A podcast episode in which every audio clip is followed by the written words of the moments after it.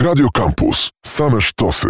Audycja powstaje we współpracy z programem Warszawskiego Instytutu Bankowości Bankowcy dla Edukacji. Trzy grosze o ekonomii. Drugi kwartał dał się we znaki deweloperom u niektórych. Sprzedaż spadła prawie o 3 czwarte, informuje Puls Biznesu, ale widać światełko w tunelu i o tym optymizmie będzie sporo. Przyjrzymy się sytuacji w deweloperce, zajrzymy też do centrów handlowych i sprawdzimy, co z cenami gruntów. Zaczniemy jednak od wakacyjnego przypomnienia, bo przecież wszyscy chcemy wypocząć. Piotr Topuliński, dzień dobry. By nie było problemów, sprawdzamy, co powinniście wiedzieć jeszcze przed wyruszeniem z domów, radzi Tomasz Chrustny, szef Urzędu Ochrony Konkurencji i Konsumentów. Konsument powinien mieć pełną informację o zakresie świadczonych usług wraz z cenami brutto. W przypadku hoteli powinna być w widocznym miejscu informacja o kategorii obiektu. Jeśli obiekt jest niezgodny z przedstawioną ofertą, możemy złożyć reklamację. Bądźmy ostrożni podczas rezerwacji i uważajmy na tzw. Tak wirtualne kwatery. Dokładnie zweryfikujmy ofertę. Zobaczmy, jak można się skontaktować z właścicielem. Prześledźmy też opinię o miejscu noclegowym w internecie. Często można znaleźć tam ciekawe informacje, które powiedzą nam o obiekcie znacznie więcej niż jego reklama. Jeżeli okaże się, że kwatera nie istnieje, a wpłaciliśmy już pieniądze, zgłośmy to jak najszybciej na policję. Ale uwaga, czasem nie można bezpłatnie anulować rezerwacji. A co jeśli jedziemy na wakacje z biurem podróży? Najważniejsze to prawo do reklamacji. Jeśli obiekt nie spełnia deklarowanych standardów, brakuje zapowiedzianych atrakcji i tym podobne, należy zgłosić zastrzeżenia jak najszybciej. Najlepiej jeszcze na miejscu. Ułatwi to dochodzenie roszczeń. Pamiętajmy jednak, że takie roszczenia przedawniają się dopiero po upływie trzech lat. Organizator wyjazdu może podnieść cenę najpóźniej na trzy tygodnie przed wyjazdem. Ma do tego prawo tylko w trzech przypadkach gdy podrożeje transport, np. z powodu podwyżek cen paliwa, gdy wzrosną kursy walut lub gdy wzrosną podatki czy opłaty od usług turystycznych, np. opłaty lotniskowe. Możliwość podwyżki cen organizator musi wpisać do umowy, inaczej nie może jej zmienić. Jeśli biuro podróży podniesie cenę o więcej niż 8%, można wówczas odstąpić od umowy bez ponoszenia kosztów. Od umowy o udział w wycieczce lub w czasach można też bezpłatnie odstąpić w przypadku wystąpienia nieuniknionych i nadzwyczajnych okoliczności, które mają znaczący wpływ na realizację imprezy turystycznej. Pomocne będą informacje od Głównego Inspektora Sanitarnego, Ministerstwa Spraw Zagranicznych czy Światowej Organizacji Zdrowia. I życzymy bezpiecznego wypadu. Trzymajcie dystans, myjcie ręce i gdzie trzeba, to noście maseczki. Przypomnę też, że działa infolinia konsumencka, a także Europejskie Centrum Konsumenckie.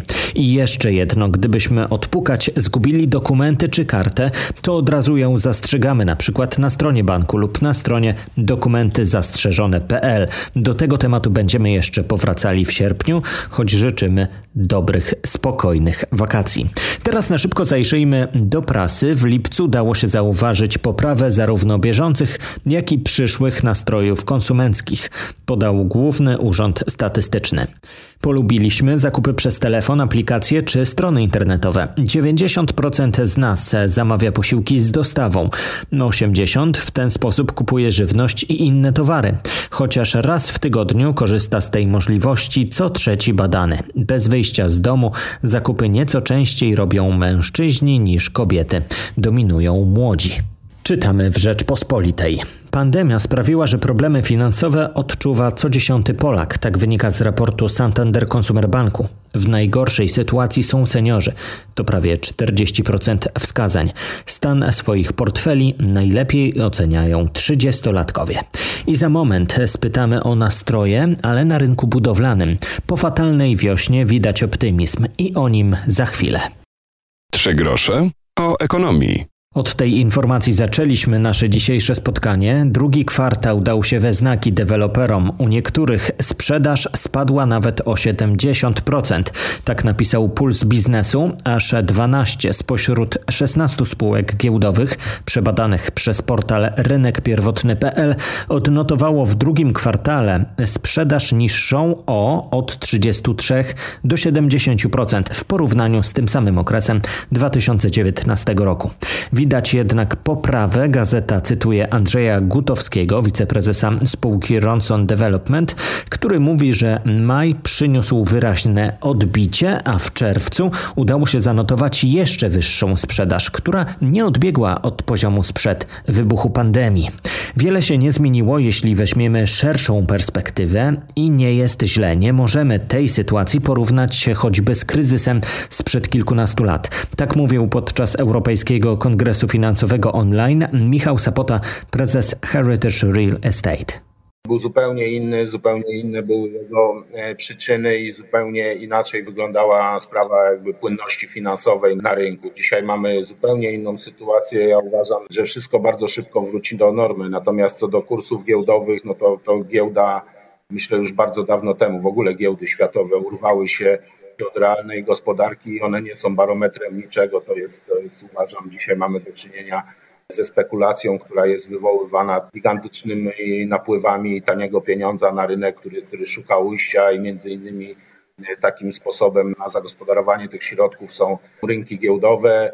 Ten, ten czynnik y, ja bym pominął w ogóle w tej dyskusji. Jeżeli chodzi o wychodzenie z poprzedniego kryzysu, mieliśmy do czynienia z, z pompowaniem taniego pieniądza mm, do rynku, tylko głównie on przechodził przez banki. Natomiast w tej sytuacji, w której jesteśmy obecnie, bardzo duże transfery środków trafiają bezpośrednio do realnej gospodarki, do ludzi. W związku z tym jakby sytuacja na rynku, jeżeli chodzi o dostęp do pieniądza, do, są zupełnie inne niż wówczas i myślę, że akurat nieruchomości e, szeroko, nie tylko mieszkaniowe, ale co do zasady, bardzo mocno się zachowają. Oczywiście jest jakiś tam znak zapytania przy galeriach handlowych, jest jakiś tam, pojawiają się jakieś e, znaki zapytania przy biurowcach, ale szeroko rynek nieruchomości uważam, że będzie się zachowywał bardzo dobrze na tle gospodarki.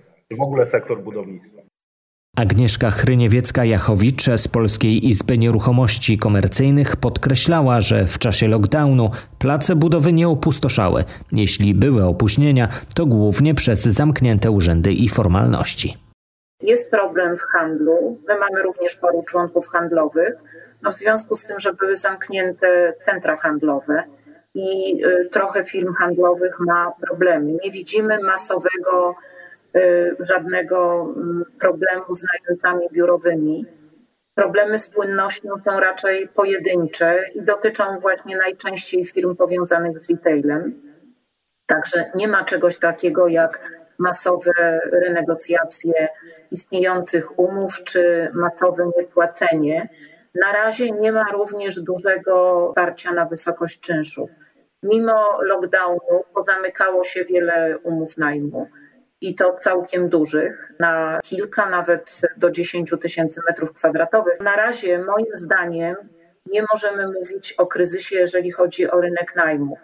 W najlepszej kondycji jest rynek magazynowy, któremu COVID moim zdaniem troszeczkę nawet może pomógł, dlatego że bardzo mocno niektóre branże, logistyka i handel online, które korzysta również z magazynów, się rozwija.